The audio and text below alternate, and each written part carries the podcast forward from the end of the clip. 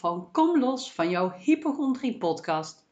Vandaag wil ik het met jullie gaan hebben over hoe dat ik het nu eigenlijk gedaan heb. Ik kreeg de afgelopen week echt meerdere keren de vraag: Yvonne, hoe heb jij dat gedaan? Hoe ben jij ervan afgekomen? Hoe is jouw verhaal? En ik weet niet of dat je al veel podcasts hebt geluisterd, of dat je nieuw bent, of wat dan ook. Ik heb natuurlijk op mijn website en in podcast al het een en ander gedeeld. Maar omdat die vraag nu zo vaak kwam, dacht ik van... Weet je, laat ik hier gewoon even een hele podcast aan wijden. Dus het is hartstikke leuk en mensen vinden het heel fijn om te horen hoe dat andere mensen gelukt is. En ook qua inspiratie van, hé, hey, maar het kan wel. Het geeft vaak ook even dat, um, ja, dat stukje bevestiging en die moed op momenten dat het even wat minder gaat. Van, oh ja, maar het kan. En dat, dat ga ik gewoon doen. Yvonne is het ook gelukt, dus ik kan het ook. En Natuurlijk, naast mij zijn er heel veel succesverhalen. Maar ik zal mijn verhaal delen vandaag. En ehm, ik hoop dat je er heel veel uit haalt. Wijsheid, wat dan ook, wat voor jou uh, belangrijk is. Dus um, daar gaan we beginnen. Ik ben Yvonne van Deurzen. Ik ben 38 jaar. Ik ben een alleenstaande moeder van een uh, heel lief zoontje van uh, eh, 7 jaar. En um, mijn verhaal is eigenlijk dat ik ja, misschien toen ik klein was ook al wat sneller angstig was. Maar toen, ja, ik was best verlegen, uh, introvert. Um, ja, vond dingen best snel spannend. Maar ja, je weet je, je, je, je, weet niet beter, je kent niet beter. Dus ik was eigenlijk ook nooit zo mee bezig. En um, nou, op een gegeven moment groeide ik op. En um, nou ja, dan kom je in de puberteit. En bij mij was het echt van, nou, ik ben nergens bang voor. En ik was heel erg van de dingen wegdrukken vooral gewoon doorgaan. En uh, ik voelde me toen in die tijd eigenlijk al niet lekker. Ik was een jaar of 15 en um, toen had ik heel veel last van vermoeidheid. Ik was heel de dag moe en ja, echt extreem moe. Dat ik ook echt om zes uur al uh, lag te slapen en dat ik ochtends wakker werd en eigenlijk gewoon vreselijk moe was. En toen ben ik naar de, huisarts gegaan en die zei dat het uh, voorjaarsmoeheid was ja, mijn vermoeidheid die bleef en die bleef. Maar toen zat ik weer bij de dokter in de najaar. Ja, najaarsmoeheid. Ja. zei ik, ja, het is een heel jaar door moeheid. Toen zat ik nog een keer in de winter. Dat heeft hij nog een keer getest op Pfeiffer. Dat soort dingen. Maar ja, dat was het allemaal niet. Maar ik was moe. Altijd maar moe. En maar doorgaan. En ja, weet je, ik wist toen niet beter. Dus ik ging eigenlijk ook maar door. Maar toen had ik geen angst- en paniekklachten. Ik was vooral heel erg moe. En um, ja, ik zat niet lekker in mijn vel. Ik had toen in die tijd wel heel erg dat ik het gevoel had alsof er een zware deken over mij heen hing. Dat dan weer wel. En ik merkte, ja, door de jaren heen, ik bleef maar gewoon doorgaan. Maar ik merkte op een gegeven moment wel dat ik dacht van, ja, dit kan zo niet verder. Iets in mij zegt, Yvonne, je moet echt stoppen nu. Je moet dingen die je nooit hebt kunnen verwerken, nu eens gaan verwerken. want ik had best wel wat dingen meegemaakt. Dus ik dacht van, oké, maar nu niet. Ik moet werken, ik wil carrière maken. Of ja, carrière niet zozeer, maar ik wil geld verdienen. Uh, ik wil een leven opbouwen. En dus zet ik het eigenlijk aan de kant. En ja, ik heb eigenlijk heel lang kunnen overleven. Ik merkte trouwens ook uh, dat ik vanaf mijn dertiende eigenlijk altijd wel een gevoel van spanning in mezelf had. Heel de dag door voelde ik een alertheid. En ja, zo'n energie, onrustig gevoel, energiestoot. Zo voelde het voor mij heel de dag door. En ik wist ook niet beter. Kijk, dat was dus eigenlijk nog voor die vermoeidheid. Maar ik heb toen wel even, mijn moeder die zat onder yoga. Ik heb dat een paar keer geprobeerd, maar het voelde niet voor mij. Ja, dus ik ben gewoon mijn leven gaan leiden. En toen was ik dus 19, zoals ik al zei. Bleef ik nog steeds doorgaan. En ja, dat gevoel is al die tijd gebleven heel de tijd is dat gebleven. Eh, totdat ik, um, ja, op een gegeven moment was ik 24 en um, ik ging met uh, mijn toenmalige vriend uh, op vakantie naar Peru. En ik merkte van tevoren ook al dat ik eigenlijk zoiets had van, het gaat niet lekker met mij. Ik voelde heel veel spanning en er waren ook wat dingen die er gebeurden. En dat ik dacht van, in mijn privéleven, mijn werk en dat soort dingen. Ik denk, ik, ik weet het allemaal even niet. Ik weet dat het, ik het anders wil, maar ik weet niet hoe. Dus ik had bedacht van, nou, ik ga op vakantie. Lekker even afstand nemen van alles. En dan ga ik eens bedenken van, hé, hey, maar wat wil ik nu? Want ik weet gewoon dat ik zo niet verder wil. En we gingen op vakantie en dat was wel best wel spannend voor mij, want ik had eigenlijk nog nooit een uh, verre reis gemaakt.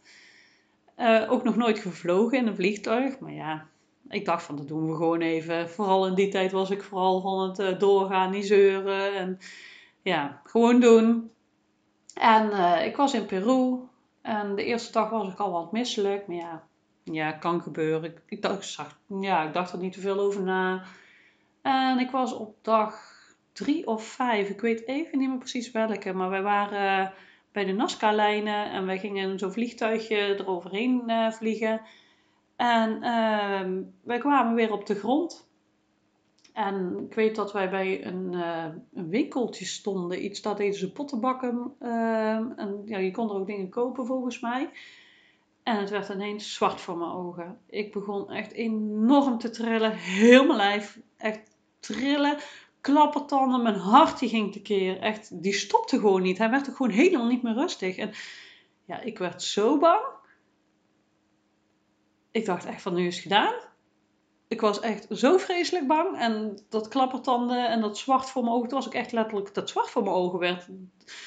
Dat duurde ook zo lang. Vooral die, mijn hart die tekeer bleef gaan. En dat trillen. Oh, ik, volgens mij heeft het echt uren geduurd. Want ik weet dat ik op een gegeven moment, uh, ik wilde terug naar, uh, naar huis, naar, of ja, naar het appartement. En um, ja, dat duurde heel lang, want dat ging niet. Ik weet niet wat het precies was. Dan gaat dan even zo een waas over je heen. En ik weet ik op een gegeven moment daar op bed lag. Dat ik nog steeds heel erg een klappertanden was. En heel mijn lijf helemaal aan het shaken was. Dan is er een dokter gekomen en... Uh, was een dag van tevoren best wel verbrand geraakt. Dus ze dachten dat ik misschien een zonnesteek had. Dus ik heb eh, antibiotica gehad. Ja, je krijgt van alles naar binnen gewerkt. En um, ja, het wilde eigenlijk niet echt beter worden. Volgens mij, ja, natuurlijk is uiteindelijk wel het uh, trillen en zo is op een gegeven moment wel gestopt. En um, maar ja, we moesten door met de reis. Ja, er is best veel op die reis gebeurd. Dus ik wil even niet door elkaar halen. Maar Um, toen gingen we dus verder. Maar ik bleef me eigenlijk niet lekker voelen. Het trillen en het zwart voor mijn ogen, dat heb ik... Uh, volgens mij, ja, de trillen misschien wel, maar het zwart voor mijn ogen heb ik niet meer gehad. Dat mijn hart zo tekeer ging. Maar ja, ik, zat... Het was echt... Woe, ik zat helemaal niet lekker in mijn vel. op een gegeven moment gingen we de hoogte in. Toen zaten we op 1500 meter. Ik weet niet meer hoe het plaatsje heet. Maar nou, ik had echt het gevoel alsof dat ik... Uh, ja, hartstikke dronken was. Terwijl ik geen druppel alcohol op had. Echt, ik kon niet meer recht blijven lopen. Ik zwalkte, alles om me heen draaide. Weer een dokter erbij. Uh, dan bleek ik hoogteziekte te hebben. Of, ja, of dat al echt hoogteziekte was, dat weet ik niet. Maar ik had wel inderdaad een verhoogde bloeddruk. En uh, kreeg hartstikke veel tabletten. En um, ik had er s ochtends volgens mij tien op een gegeven moment. Echt voor van alles en nog wat. Ik was misselijk. En ja, echt werkelijk waar. Ik had een hele riddeltje. Maar in ieder geval, uh, toen moest ik, ik had hoogteziektetabletten bij, die moest ik gaan slikken. Ik kreeg bloeddrukverlagers, uh, omdat ik misselijk was, dat ze dachten dat ik misschien een parasiet had. Uh, kreeg ik daar ook nog medicijnen voor. Um, nou, noem maar op. Maar ik zat dus helemaal niet lekker in mijn vel. En ik, op een gegeven moment, ik wilde gewoon naar huis. Ik wilde niet nog meer die hoogte in. En ik wilde eigenlijk naar huis. Maar ja, dat ging niet. Dus ik moest wel door. En uh, nou, op een gegeven moment zijn we toch verder gegaan. Gelukkig is uiteindelijk mijn bloeddruk gezakt. Die hebben we nog net voordat we echt het platteland op gingen, dat we dus buiten uh, de grote steden kwamen, hebben ze die nog gemeten en toen was die goed. Dus dat was fijn, maar ik had echt enorm veel tabletten. Dat was echt, oh jeetje. Maar ik voelde me ook echt helemaal niet lekker. En uh, ja, dat vond ik wel heel erg beangstigend. Dat was echt wel een heel angstig moment. En zeker ook met die, uh, ja, dat moment dat ik uit dat vliegtuig kwam, dat het zwart werd. En ja, dat was echt heel erg ja, beangstigend. Zeker dat je ook ver weg van huis af bent. En um, ja, je moet door. Op een gegeven moment was ik wel heel blij dat we de jungle in mochten. Want toen dacht ik van, oh, dan zijn we in ieder geval weer van die hoogte af.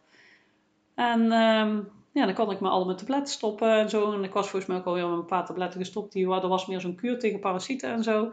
En toen kwam ik dus uh, in de jungle, gewoon op zeeniveau zeg maar, dus ik was blij. Ja, toen begon ik me heel erg misselijk te voelen weer en ja, het was niet lekker. Dus ik was ook in uh, drie weken tijd was ik 8 kilo afgevallen.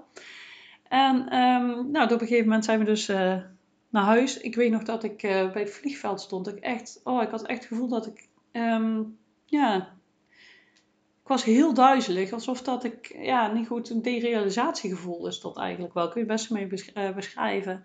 Ik heb ook heel veel geslapen um, op de terugreis. En daarna thuis ook echt enorm veel geslapen. Ik was heel onrustig, maar ja, ik kon mijn rust niet vinden. Ik moest eigenlijk weer gaan werken. Ik denk, ik kan niet meer. Ik kan gewoon echt niet meer. En ik ben toen ook naar mijn huisarts gegaan. We hebben nog een maagonderzoek gedaan. Die zei ook van, ja, je moet gewoon drie maanden rustig aan doen. Dat is op mijn werk zeiden van, ja, nee, jij uh, gaat geen drie maanden rustig aan doen. We hebben jou nodig. Je gaat werken. Dat je daar ook nog een hele strijd mee had. Maar ik merkte dat ik in die tijd uh, echt het gevoel had alsof dat ik in een film leefde. Ik heb echt toen een hele lange tijd het gevoel gehad alsof dat ik in een film leefde. Ja, maar ook zo moe zijn.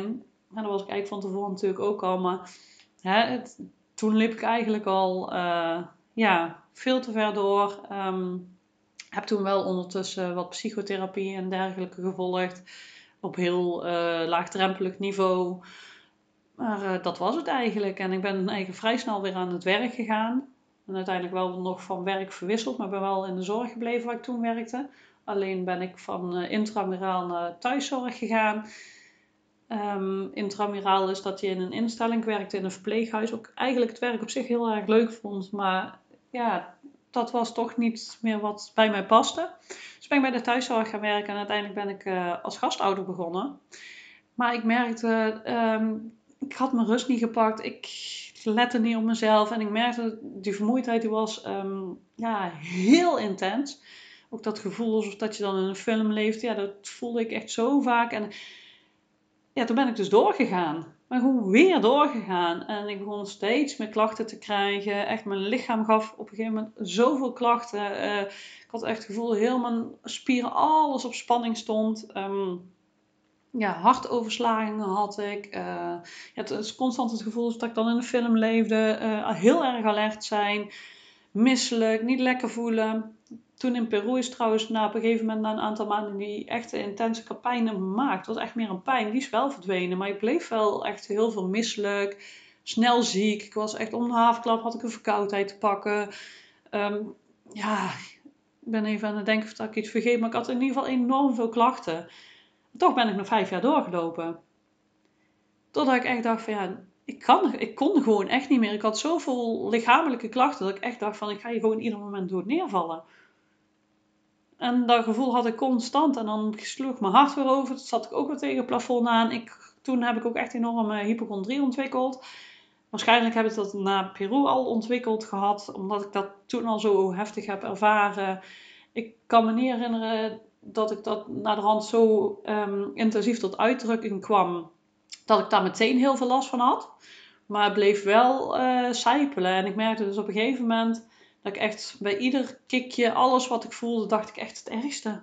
Ik dacht van ja, weet je, uh, nu is het gedaan. Hè, want nu heb ik uh, kanker, nou heb ik dit, nou heb ik dat, of ga dood. Wat, mij, wat mijn vooral was, uh, dat ik bang was dat mijn hart ermee zou stoppen. Omdat ik zoveel klachten had. En mijn hart die sloeg echt, ja, ja sloeg die over. Mijn huisarts zei dat het een schokje was, maar maakt ook niet uit. Ehm, voor mijn gevoel sloeg mijn hart heel erg over. Dat ik op een gegeven moment ook echt dacht van ja ik was zo angstig. Hè? En doordat ik angst had en in mijn hoofd en weer angst. Hè? Dat riedeltje heb ik in de podcast al heel vaak uitgelegd. Nou zat ik zo tegen het plafond aan. Ik kon op een gegeven moment niet meer slapen. Uh, ja, ik durfde op een gegeven moment zelfs niet eens meer naar buiten. Ik was zo bang dat er iets ging gebeuren dat ik niet meer naar buiten durfde. Uh, gewoon ook omdat het uh, alles zo vermoeiend was. Echt een stap zetten. Dat was zo vermoeiend. ik dacht van ja, dadelijk val ik hier neer en dan op die manier. En ja, dus eigenlijk in mijn diepste dieptepunt, om het zo maar even te noemen, dat het echt helemaal niet goed meer met mij ging, uh, ja, was ik dus echt zo bang om ieder moment dood neer te vallen. Ik durfde niet meer te gaan slapen, omdat ik bang was dat ik niet meer wakker zou worden. Uh, naar de wc lopen, dat was echt vreselijk, want ik, al, iedere stap die ik moest zetten was um, ja, zo ontzettend vermoeiend, dat ik echt dacht van mijn benen houden me niet. voor mijn gevoel hielden mijn benen me niet meer. En ik durfde daar dus ook niet meer naar buiten. Uh, ja, was echt heel intens. Ik hoop echt dat jij dit niet zo heftig meemaakt als dat ik het meegemaakt heb. Maar dat was dus mijn verhaal. Hè? En ik dacht van ja, maar zo kan ik niet verder. Dus ik ben gestopt met mijn werk. Ik heb mezelf op ingezet. En dat is het mooiste wat ik voor mezelf heb kunnen doen. Weer voor mezelf gaan zorgen en ehm, mezelf gaan helen. En wat ik toen niet wist, is dat het zo lang ging duren om terug te komen. Want het heeft enorm lang geduurd voordat ik weer was waar ik nu ben. Natuurlijk ben ik nu veel verder als dat ik daarvoor al die jaren ben geweest. Maar echt, die, toen ik zei van stop, dan hoop je dat het snel beter gaat. Maar wat er gebeurt, is dat het voor je gevoel juist slechter gaat. Echt, ik weet nog dat ik buiten, ik zie mezelf daar buiten nog een boekje lezen en ik was nog geen vijf minuten aan het lezen en ik kon niet meer. En dan moest ik weer gaan liggen of heel mijn lijf was zo ja, op eigenlijk dat ik, dat ik die dingen gewoon niet meer kon. En daarom zeg ik al, ook dat lopen, dat was zo ontzettend vermoeiend. Dat ik op een gegeven moment, ik weet ook nog dat ik de trap afliep. Dat ik echt dacht van, jezus, ik ben gewoon kapot. Ik kan gewoon niet meer, ik moet gewoon weer gaan rusten. Of douchen. Nou, echt zo enorm vermoeiend. Alles was zo enorm vermoeiend. En dat ik echt dacht van, jezus, wat een hel. Wat een hel was dat. Ik, ja, ik kan het gewoon niet anders beschrijven dan dat. Het was echt heel intens. En ook heel veel slapen, maar ook niet tot rust kunnen komen. Ik weet nog dat ik ontspanningsoefeningen deed en dat ik uh, mijn lijf begon te ontspannen en dat ik dan helemaal opschrok van wat gebeurt hier? Maar ook het in slaap vallen, dat ik datzelfde gevoel ook had. Het was gewoon, mijn lijf was zo ja, op, overspannen, uh, altijd alert, ja, heel heavy. Ik denk dat dat wel echt het meest intense um, moment is geweest in mijn leven. En ik vond het echt ook zo moeilijk dat het zo lang duurde. Echt het voor mijn gevoel, uh, kijk, ik had er natuurlijk ook een burn-out bij. Duurde het echt lang voordat ik echt het gevoel had van, oh ja, hey. Maar op een gegeven moment merkte ik ook wel van, die stappen gingen steeds sneller en het ging steeds makkelijker. Maar dan ga ik je nu vooral vertellen van, ja, maar hoe heb ik dat nu gedaan? He, want dat is ook wat je natuurlijk heel graag wil weten. Kijk, toen ik dus in dat diepste dieptepunt zat um, met mijn burn-out, heb ik wel uh, hulp gezocht. Eh, ik ben eigenlijk een beetje begonnen met de reguliere hulpverlening. Maar ik merkte dat ik daar op een gegeven moment heel erg vast in liep. Dat, je, uh, dat het heel erg cognitief was.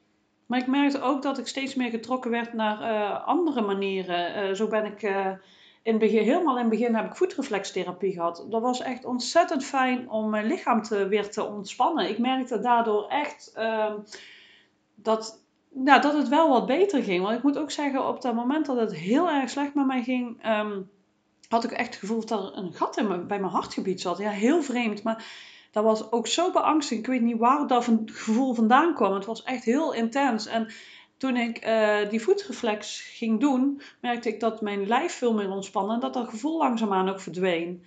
En um, ik ben heel veel mezelf in gaan lezen over angsten en panieken. Uh, ik ben echt mijn eigen weg hierin gaan volgen. Kijken van, wat heb ik nu nodig?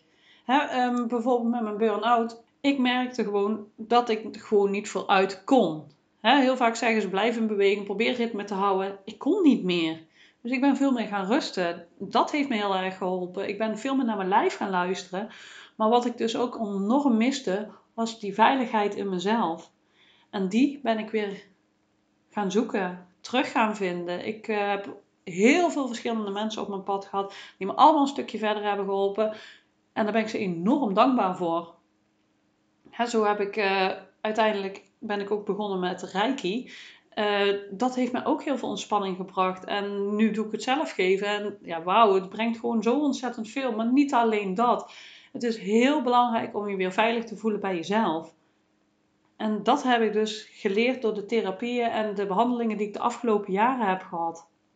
Hè, hoe leer ik weer ontspannen? Um, ja, hoe kan ik um, met mijn angsten omgaan? Want wat ik dus deed en wat heel veel mensen ook doen, is die angst wegduwen. En dat deed ik ook. Ik was doodsbang voor die angst, dus wat ik deed was wegduwen. En wat ik als eerste heb gedaan, is weer die basisveiligheid in mezelf uh, vinden, waardoor ik, ik het weer toe kon laten. Waardoor ik langzaamaan weer stapjes kon gaan zetten. Met hele kleine stapjes ben ik steeds een stukje verder gegaan. Bijvoorbeeld naar buiten. Eerst bijvoorbeeld eh, naar het einde van de straat. Noem die dingen maar op. En bijvoorbeeld met hypochondrie niet meer opzoeken. Kijken wat ik nodig had zodat ik me veilig ging voelen in mezelf. Daar heb ik enorm veel technieken en tools voor. Uh, in de gaandeweg zelf om, ja, zelf op mijn pad zijn gekomen, ook door mijn opleiding. Want ik ben later opleidingen gaan volgen. Um, waardoor dat ik dit ook weer aan anderen kan leren. Maar wat, ik, wat dus eigenlijk bij mij geholpen heeft, is me weer veilig voelen in mezelf. En mijn triggers aankijken. Die stukken helen die mij zo in de weg zaten. Die ik voorheen niet verwerkt heb kunnen krijgen. Die ben ik weer allemaal aan gaan kijken. Die ben ik gaan helen. Mm, daarnaast heb ik mezelf ook geleerd ja, hoe dat ik met die angst anders om kon gaan. Kijk, nu komt die helemaal niet meer op ik merk gewoon dat die. Ehm, ik zal niet zeggen dat ik nooit geen angst meer voel, maar die triggers die ik eerst had, die komen gewoon helemaal niet meer op. Ben afgelopen weekend ben ik um, gezellig met mijn zoontje een dagje weg geweest. En het is er gewoon helemaal niet meer. Maar toen het er wel was, hè, moest ik leren van ja, wat geeft mij die veiligheid dat ik bij mezelf kan blijven om het te doorvoelen, zodat het kon helen. En dat is een heel intensief traject geweest van jaren voor mij. En dat hoeft voor jou niet zo te zijn. Zeker niet als je weet dat, dat er mensen zijn die weten die hetzelfde pad hebben belopen, kun je het veel sneller belopen. Omdat je veel sneller ziet van hé, hey, waar loop ik tegenaan, waar niet. Hè? Kun je veel sneller bijsturen. Maar voor mij heeft dat best een tijd geduurd. Omdat ik het eigenlijk best wel veel. Uh, ja, ik kwam heel weinig mensen tegen die, die hetzelfde meegemaakt hadden. Dus hè, het is heel lastig als iemand het niet meegemaakt heeft om het dan te snappen. Dus dan ging ik uh, ja, bij, bij Pietje iets halen en dan bij Jantje. En zo ben ik steeds verder en dieper gekomen. En het is voor mij echt, uh, wat trouwens ook heel veel geholpen heeft, familieopstellingen. Voor mij heeft dat heel veel heling gebracht, waardoor ik heel veel stukken heb los kunnen laten. Dus wat heel belangrijk voor jou is, is om te kijken van, hey, wat heb ik nu nodig? Leer echt jezelf sowieso weer op één zetten. Ga die basisveiligheid weer in jezelf zoeken dat je echt jezelf overal en altijd veilig voelt. Want dan kun je die angst gewoon omarmen. En er zijn heel veel tools, technieken, methodes om dat te doen. En kijk daarin wat voor jou past. want dat is ook een mooie. Iedereen is uniek en ieder verhaal heeft zijn eigen dingetje, eigen stukjes. Dus kijk wat jij daarin nodig hebt. En voel je gewoon ook vrij om daarin te voelen, want jij weet echt wel wat jij diep in jezelf nodig hebt. En dat is ook mijn grootste, mooiste leerpunt geweest. Is dat ik weer naar mezelf luister, naar mijn lijf, naar uh, waar ik behoefte aan heb. Hè? En waar, waar ik ook in mezelf kan kijken van, oh, ik voel me gespannen of ik voel toch wel angstig. Uh, wat heb ik nu nodig om me weer veilig te voelen? Kijk, mocht dat ooit opkomen, ik zeg al, bij mij is het ja, zo minimaal dat ik dat voel. Maar ik heb dus die tijden ook gehad dat constant uh, angstig was. Ik was heel de dag door zo angstig en hoe er moest gebeuren. Ik zat er tegen het plafond aan. En ik denk dat heel veel mensen die mijn podcast beluisteren dat wel herkennen. Dat ze ook zoiets hebben van, ja, maar Yvonne, dat herken ik. Of misschien zit je al uh, ergens anders op een pad dat je denkt van, oh, ik heb af en toe nog zo'n die momenten dat je denkt van, poeh, ik voel weer heel veel angst. Maar weet dus dat er altijd een deel in jou zit dat zich veilig voelt. En dat je soms inderdaad moet kijken naar onverwerkte stukken of anders met angst omgaan, wat het dan ook voor jou is, dat dat heel helpend kan zijn om los te komen van jouw hypochondrie. En ik hoop dat ik het een beetje duidelijk heb uitgelegd. Want ja, voor mij is het pad dus heel erg geweest. Kijken wat ik nodig heb. Weer veilig voelen bij mezelf en stukjes helen. En zoals ik al zei, bij mij heeft die reis best wel lang geduurd. Maar het is nu ook zoveel mooier dan ik ooit had gedacht. Want ik heb echt nooit gedacht dat ik hier zou kunnen komen waar ik nu ben. Het echt wauw. En dat gun ik jou ook. En om het jou veel makkelijker te maken en niet alles um, opnieuw te hoeven uit te vinden, heb ik onder andere de 30 dagen kom los van jouw angst en paniek gemaakt. zodat je dus al die tools hebt die jou die basisveiligheid kunnen geven. Die jou die fundering geven die je zo nodig hebt om op te kunnen bouwen hoe mooi is dat dat je dat uh, in 30 dagen zelf kunt doen? En heb je zoiets van, ja, god, hey, Yvonne, ik heb meer hulp nodig. En leuk zo'n 30 dagen, maar ik wil echt veel meer dan dat. Voel je ook vrij om met mij een gesprek aan te gaan van, hey, wat is hier nu mogelijk? Zo heb ik sinds kort een heel geweldig programma gemaakt. Uh, het is niet alleen een programma, je krijgt ook echt één op één coaching van mij. Weer te genieten van activiteiten in jouw vrije tijd want waar ik dus ook heel erg tegenaan liep en waar, eh, waar ik merk dat heel veel mensen ook tegenaan lopen, ook met hypochondrie, is dat ze niet kunnen genieten van uitstapjes. Hè, er lekker op uitgaan. Dan heb je iets gepland en dan zit je gewoon weken van tevoren al van, oh, ik voel gewoon spanning in plaats van dat je die voorpret hebt. En dan ben je daar op vakantie en dan ben je bezig van, oh, daar gebeurt er iets, daar word ik ziek. Of constant maar angst voelen. Dat kan gewoon anders. En omdat ik dat bij mezelf heb kunnen helen en dit nu ook bij andere mensen doe, had ik echt zoiets van: wauw, hoe mooi is dat je gewoon in een stappenplan een heel mooi programma hebt. Waarin je dus weer leert om te genieten van activiteit in je vrije tijd. Hoe gaaf is dat? Dus heb je zoiets van: oh, dat vind ik leuk. Nou, stuur mij een berichtje. Dan plannen we een afspraak om te kijken of dat het iets voor jou is. Dan leg ik je uit wat het is en wat we gaan doen. Dus denk je van: oh, gaaf. Dit is echt iets voor mij dan hoor ik echt heel graag van jou. Verder kun je me volgen via Facebook en Instagram. Ik heb ook de Kom Los van Hypochondrie podcast. Daar mag je ook altijd bij aansluiten. Je bent hartstikke welkom. Heb je vragen? Wil je ergens iets meer over weten? Stuur gerust een mailtje, een berichtje, een DM. Alles mag. Ik hoop dat je dit een inspirerende podcast vond, waarin ik mijn verhaal dus gedeeld heb. Heb je daar nog vragen over? Mag je dat ook altijd vragen? Ik zou het heel erg leuk vinden als jij deze podcast een review geeft, zodat nog meer mensen de podcast kunnen vinden. Daar ben ik je heel erg dankbaar voor. Ik wens jou een hele fijne dag en tot de volgende keer.